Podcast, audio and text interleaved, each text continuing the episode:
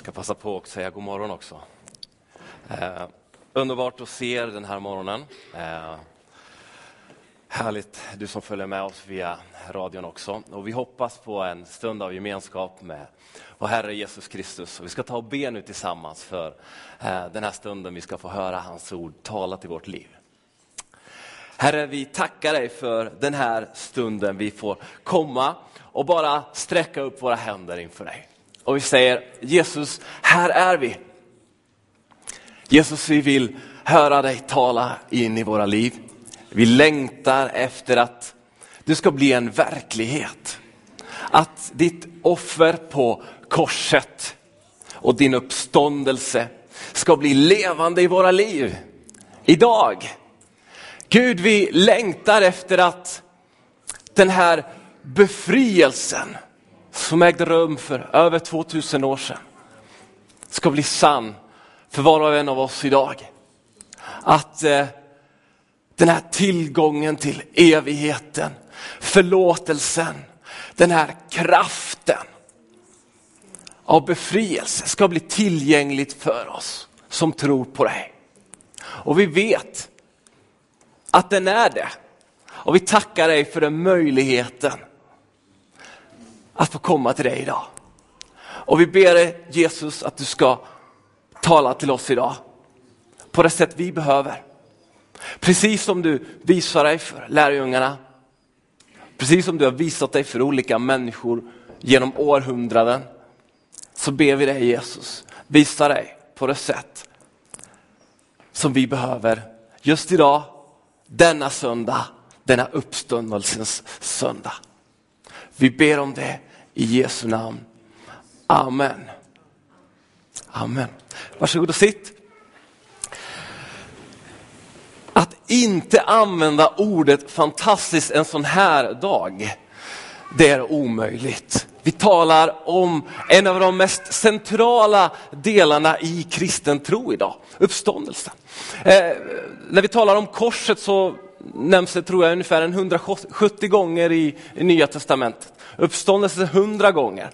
Det här är saker av vikt. Och för de allra första, eh, om man säger så, eh, lärjungarna och för de allra första kristna, eh, vi hörde i fredags, eh, som, som, vi hörde i fredags, så kallas de som följde vägen. De följde en väg. De var på väg någonstans.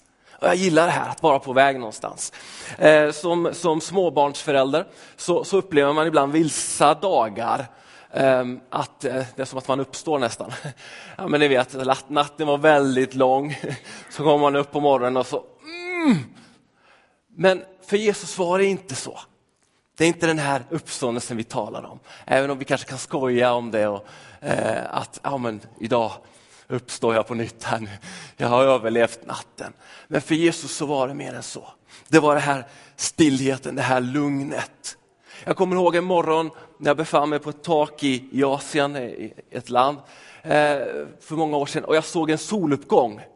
Det var dimma långt ute på risfälten eh, och jag såg över det, eh, de här risfälten och dimman hur den, hur den bara gav, gav vika, försvann mer och mer. Och så kom det en bonde eh, gåendes på fältet. Och den här dimman bara försvann. Och det var en sån, sån underbar syn att se. Att jag kom att tänka på när Jesus uppstod. Han kommer fram där mjukt och försiktigt och visar sig. Här är jag. För vissa behövde Jesus att, eh, ja, jag måste få ta på dig Jesus för att tro på dig. Jag måste få se hålen. Jag måste få se, jag måste få ta på dig. Andra var det tvärtom. Han sa, rör mig inte. För att det var det sättet den personen behövde se honom. Det var på det sättet Jesus behövde visa sig för att den personen skulle tro på honom. Många kände inte igen honom. Han hade talat om detta, de kunde gamla testamentets profetior som talade om framtiden, som talade om Messias lidande, att han också skulle återuppstå, att han skulle uppstå till liv. Och idag så kommer jag att tänka på en text som står i Romarbrevet, det femte kapitlet och vers 12. Romarbrevet, Romarbrevet femte kapitlet och vers 12. Och det står så här. Därför är det så, genom en enda människa kom synden in i världen och genom synden döden. Och så kom döden över alla människor eftersom alla hade syndat. I vers 18 i, i samma, eh, samma Romarbrevet 5 och 18 står det så här. Alltså liksom en endas fall ledde till fördömelse för alla människor så har en endas rättfärdighet för alla människor lett till en frikännande dom som leder till liv. Och jag tycker om det här. Bara upptäcka den. Att han lever. Att Jesus dog för dig och mig på korset. Det är ju en, nu säger jag det igen, fantastiskt. Det kommer bli en upprepning här bara. Det är bara början där. Han lever. Och genom den här enda människan som var Adam, där döden kom in, så kommer också en seger här över döden. När Jesus får ner till dödsriket, när Jesus står framför åklagaren, djävulen själv, och han försöker hitta någonting att anklaga honom för. Men han hittar ingenting. Och han blir tvungen att släppa honom. Och därifrån så går han. Och jag tror han ler. Han bara ler. Han kommer upp och möter en skara förvirrad, förvirrade människor. Den ena säger emot den andra, men alla säger samma sak. De ser en tom grav. Vart är han? Vem har tagit honom? Vad har hänt? Det är som att de har glömt bort att, han ska, att Jesus ska uppstå för ett ögonblick, tills de får se honom. Och vi minns inte bara hans uppståndelse en gång om året när det är påsk. Vi minns ju det varje dag egentligen. Det är det som är någonting som bär oss. Att Jesus inte bara dog för dig och mig, för att vi skulle få förlåtelse för våra synder. Utan han lever idag. Vi tror inte på någon död Gud. Vi tror på en sannoliken levande Gud. Och detta är en så skiljer den kristna tron så mycket från allt annat där ute. För att den är levande. Och jag tänker på följande. Jag tänker på Petrus. Han gick till graven, eller han sprang står det. Eh, han lutade sig in, modig man där, vågar inte ens gå in och ser att den är tom. Andra kom säkert dit också och gick in och såg kläderna ligga där ihopvikta. Jesus hade inte försvunnit i någon slags, som Sören talade om tidigare, någon slags fyrverkeri, någon slags storm, någon slags rörighet. Hans kropp hade inte blivit stulen. Det var ordning, det var reda. Det var som ljuset på, på en väldigt vacker morgon. Någonting lugnt och stilla hade inträffat, men någonting kraftfullt hade desto mer inträffat. Och jag tänker på, på våra liv många gånger. Jag tänker på, på mitt liv många gånger. Och, eh, oh, ursäkta, tappade nycklarna. ja, jag har, ja, det är min bilnyckel här, lätt fixerad vid bilen där. Ja, ja, måste alltid vara ren. såna saker jag har. Ja. Sen har jag ja, lite annan nyckel här. Jag ska ta upp den här så den inte ligger här. Ursäkta, jag tappar mina nycklar här. Scenen, klantigt. Men, um, och sen så, just det, det här är mitt dåliga självförtroende jag har ibland. Vi lägger det där.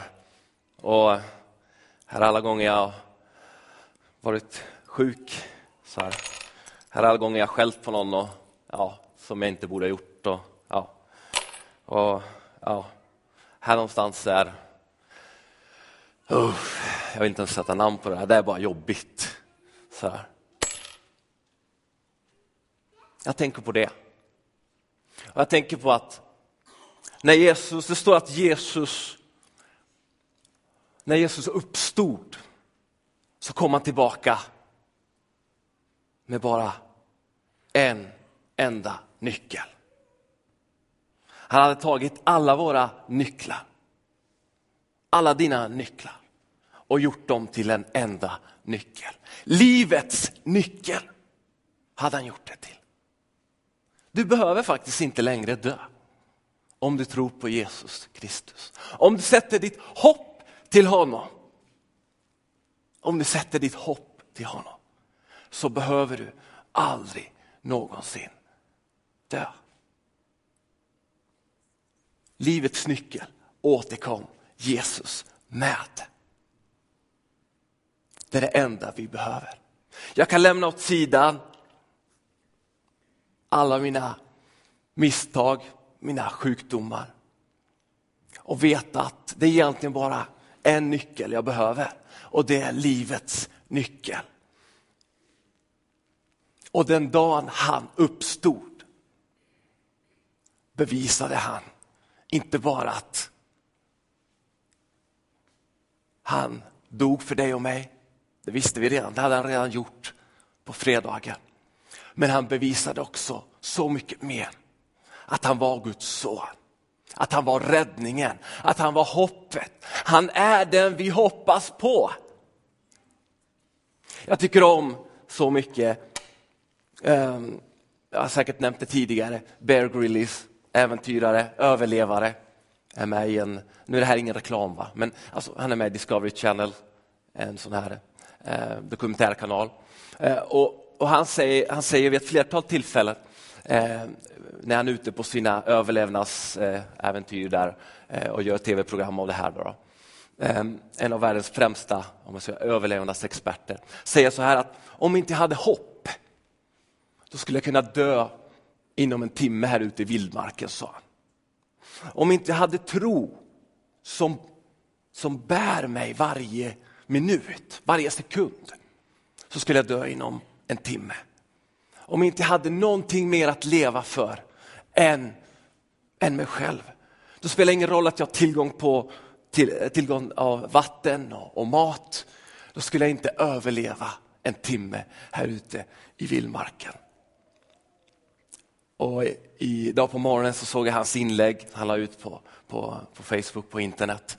Eh, idag är den dagen som bär mig skrev han. Idag händer det, det som jag tror på. Punkt. Han är kristen. Han har fått möta Jesus. Han säger att han själv inte är i mål, men han talar om den kristna tron som det hoppet. Om hoppet om att återse till sin familj, sina två söner. Det är det som bär honom genom svårigheterna. Och det är det som kan få bära dig i din vardag också att Jesus dog och återuppstod för dig. Om det får bli en verklighet varje dag i ditt liv, då kan det bära dig, även när det är svårt. Du kanske inte är ute i vildmarken, som vissa andra väldigt goda föredömen i den här församlingen. Ute både i ett och annat berg. Beundransvärt. Eh, jag har besegrat Kebnekaise en gång, det räcker. Aldrig mer. Tack gode Gud att jag kom ner. Eh, och jag till och med tog en genväg genom en glaciär och åkte ner för, liksom bara för att ja, komma därifrån. Men det var en fantastisk upplevelse. Och även om du kanske inte möter vildmarken på det sättet så möter du utmaningar i ditt liv varje dag, i din arbetsplats. När din arbetskamrat, när din gode vän drabbas av cancer. När du själv drabbas av svårigheter så möter du det här. Men då finns det ett ljus, ett morgonljus. Ett härlighetsljus. en uppståndelses kraft från Jesus tillgängligt för dig idag. Kom igen! Ha? Det, jag blir så glad för det här. För att jag gick i så många år och bara tyckte att ja, men kristen tro, det var, vadå? Det är bara att sitta i kyrkan, det var lite tråkigt. Sådär. Jag lät det aldrig bli en hjärtsak i mitt liv. Aldrig, var ett starkt ord. Det blev ju det till slut. Men jag var tvungen att komma till den platsen i mitt liv där jag insåg att jag kan inte bara låta Jesus Kristus bli en angelägenhet en gång om året, vid påsk eller vid något läger, en gång i veckan. Det måste få bli en varje dags upplevelse i mitt liv. Och när jag låter det få bli en, en verklighet i mitt liv, då inser jag att där finns det kraft för mig. Det blir roligt. Det ger mig glädje, det ger mig kraft. Och även om jag möter motgång i mitt liv, det gör ju aldrig du, men jag gör det. Det händer tråkiga saker och man bara känner, blä, jag vill inte. Jag klarar inte av det här. Gud, vart är du någonstans? Så kan jag gå tillbaka och se att han har en plan för mig. Att han vill hjälpa mig. Han vill bära mig. Han vill ta ut mig från min omständighet. Från det jag är i. Han vill bo i mig. Han vill att jag ska vara i honom. Han vill att vi ska vara enade, vi ska vara ett. Och inte bara i framtiden, någon gång där framme. Utan nu, här och nu. Därför när man talar om det kan man inte gå oberörd. Jag vet inte om ni har, eh, om ni har läst, eh, kanske många av er har gjort det, kanske en del inte har gjort det, eh, bilagan till Världen idag om påsken. Vi har haft den här ute. Marcus Birro, välkänd karaktär i vårt samhälle idag, uttrycker sig ungefär så här i, i den här intervjun som de gör med honom. Han säger så här, när jag, när jag, när jag tänker på Jesus, då behöver jag inte alkohol. Då dras han inte till det. Och han har sagt det vid något annat sammanhang också. När jag tänker på, på Jesus, han har sagt vid något annat tillfälle, då, då är det som att ångesten släpper. Någonting inom en händer när vi tänker på Jesus. Och inte bara när vi tänker på Jesus. Det gjordes en undersökning för inte allt så länge sedan där det påstås att ungefär 80 procent av Sveriges befolkning ber någon gång under, jag vet inte om det var ett år eller under en vecka, jag kommer inte ihåg. Eh, huruvida de siffrorna är tillförlitliga, det kan man ju inte mäta. Men det var väl ungefär ett, ett hum om. Det finns en längtan efter att möta någonting mer. Att få lämna ifrån sig sina nycklar. Alla, allt det här som man tror att, ah, vad ska jag göra av det här? Och bara ha någonting enkelt att följa. Man längtar. Man kan inte alltid sätta ord på att det är Jesus, men man längtar efter någonting mera. Och det är det här som, som sker när Jesus återuppstår. Det är att han kommer och säger, här är jag. Kom till mig ni som törstar. Jag ska ge er levande vatten. Jag ska ge er någonting mer att leva för. Ni ska få den helige ande som kommer att hjälpa er varje dag. Ibland kommer det människor och frågar mig, vad ska jag göra för att komma närmare Gud? Den frågan är tillräckligt. Vad ska jag göra för att komma närmare Gud? Redan i den frågan finns det en längtan. Att bara längta är en bra början. Att bara längta. Men har man ingen längtan, har man inget hopp, då är man nöjd med tillvaron. Men det här kräver någonting av oss. Det kräver någon slags initiativ från oss. Vi har talat här så länge om, om att han lever. Vi har också inne på nu på betydelsen av uppståndelsen. Och nu kommer vi in på konsekvenser. Att uppståndelsen måste någonstans få konsekvenser i vårt liv. När lärjungarna möter Jesus så får den genast en konsekvens i deras liv. Plötsligt, från att ha varit helt förvirrade, så blir de målinriktade. Plötsligt, från att vara osäkra, rädda, förskräckta, så blir de trygga. Någonting händer med dem. Och en del ser honom inte ens, men de hör om detta att han har uppstått och det räcker. Och det är för att vi är väldigt olika vi människor. En del behöver få lite olika erfarenheter och upplevelser. Precis som Maria Löber var inne på i, i fredags. Hennes upplevelse, hennes möte med Jesus, det var viktigt för henne. Och så tror jag att det är med var och en av oss. Vi behöver de här mötena med Jesus. Och när vi får det här mötet med Jesus, när vi söker honom, så kommer vi att få det också. Det är jag helt övertygad om. Och Det står i, i Romarbrevet kapitel 6 eh, och vers 1. Eh, vi ska ta och läsa det. Eh, det står följande. Vad ska vi nu säga? Ska vi fortsätta att synda för att nåden ska bli större? Nej, visst inte. Vi som har dött bort från synden, hur skulle vi kunna fortsätta att leva i den? Eller vet ni inte att alla som har blivit döpta till Kristus Jesus har blivit döpta till hans död? Vi är alltså genom dopet till döden begravda med honom för att också vi ska leva det nya livet. Liksom Kristus uppväcktes från de döda genom Faderns härlighet. Ty vi är förenade med honom genom en död som hans. Ska vi också vara förenade med honom genom en uppståndelse som hans. Vi vet att vår gamla människa har blivit korsfäst med Kristus för att syndens kropp ska beröva sin makt. Så att vi inte längre är slavar under synden. Till den som är död är friad från synd. Har vi nu dött med Kristus, Kristus tror vi att vi också ska leva med honom. Vi vet att Kristus aldrig mer dör sedan han blivit uppväckt från de döda. Döden har inte längre någon makt över honom. Ty hans död var en död från synden, en gång för alla. Men det liv han lever, det lever han för Gud.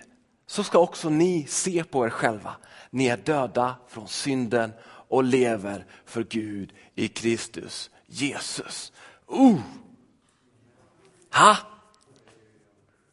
Kan man inte säga ah, amen, då behöver man inte säga kyrka, kan man säga o för mig? Det går bra. Det brukar jag säga ibland, något är riktigt bra. Eh, det här, nu, nu blir det bra. Jesus, när han gör någonting i ens liv får det konsekvenser. Djupgående konsekvenser får det. Det han har fått det, det har det blivit i mitt liv. Så jag bestämde mig för att tro på Jesus 100 procent och gå med honom varje dag. Så har det fått konsekvenser.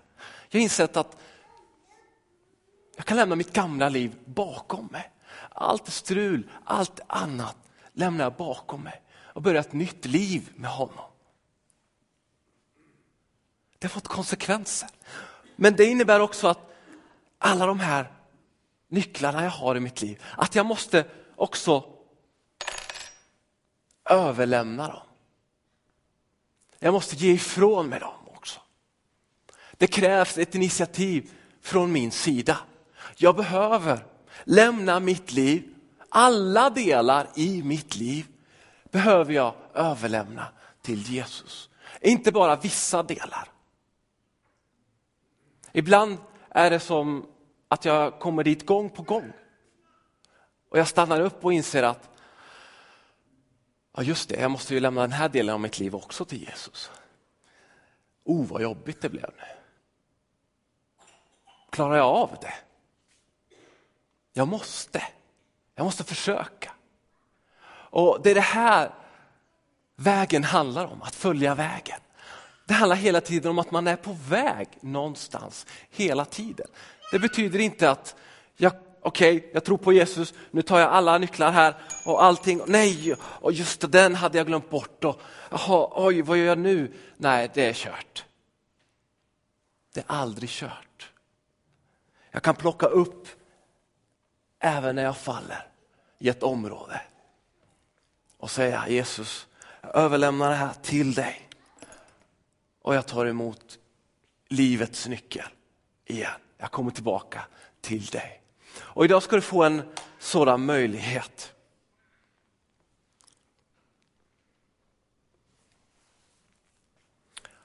Att få komma till Jesus. Kanske har du en nyckel som du inte har gett till honom. Kanske är det så att du skulle vilja ta emot livets nyckel. Kanske är det så att det är någonting som saknas, en gnista, glädje. Kanske är det något annat som, som du känner, det här är tungt. Men vet du vad? Tack vare att Jesus dog och återuppstod så finns det någonting tillgängligt för dig. Det kallas för förlåtelse. Vi kallar det för nåd. Den tar aldrig någonsin slut. Den finns tillgänglig för dig idag. Om du har låtit det bli en en gång om året upplevelse eller någon gång ibland och skulle vilja leva i den här närheten med Jesus. I den här fullkomliga glädjen som Bibeln talar om som du känner att det är så långt ifrån mig just nu. Det har hänt så mycket i mitt liv. Vet du vad? Jesus är här. Och han vill möta dig på det sätt som du behöver det på. Om du behöver ta på honom. Om du behöver se honom. Om du behöver uppleva någonting här. Eller se någonting i din familj, ditt sammanhang. Vad det nu än är för någonting. Så är Jesus här. Just nu. Och nu när, när jag ber, ber du också att Jesus ska komma till dig. Att han ska beröra ditt liv på det sätt som du behöver. Jag vet inte vad dina behov är, men Gud vet. Och om du känner att du vill göra en markering inför Gud, när du ber, lyft upp din hand, vinka, höj ögonbrynet. Ge Gud någon slags signal. Jesus, jag, jag ger mig till dig. Jag har det här behovet, du vet vad det är.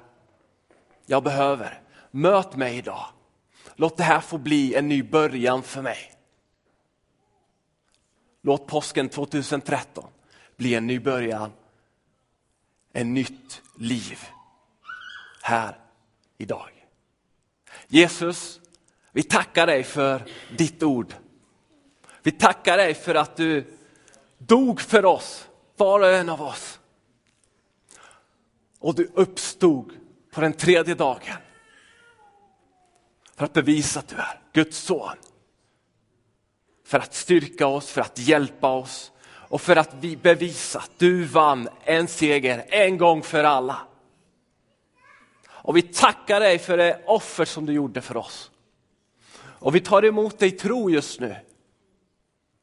Och vi beslutar oss att följa dig varje dag under resten av våra liv. Och Gud, jag ber dig för det behov vi har i våra liv. Du känner till dem, du vet vilka det är. Gud, jag ber att du ska möta. Om det finns någon som har sorg i sitt hjärta, om det finns någon som har sjukdom, så ber jag att du möter dem där de är på det sätt de behöver det. I Jesu Kristi namn. Om det är någon som behöver förlåtelse just nu så ber jag dig Jesus Kristus att du ska förlåta dem. Om det är befrielse så ber jag att du ska befria dem i Jesu namn. Gud, om det är något annat som är i vägen, som de känner bara är ett hinder, så ber jag att du ska lyfta av dem denna börda just nu i Jesu namn. För att du tog alla sjukdomar, alla problem, allting som är mörker på detta kors.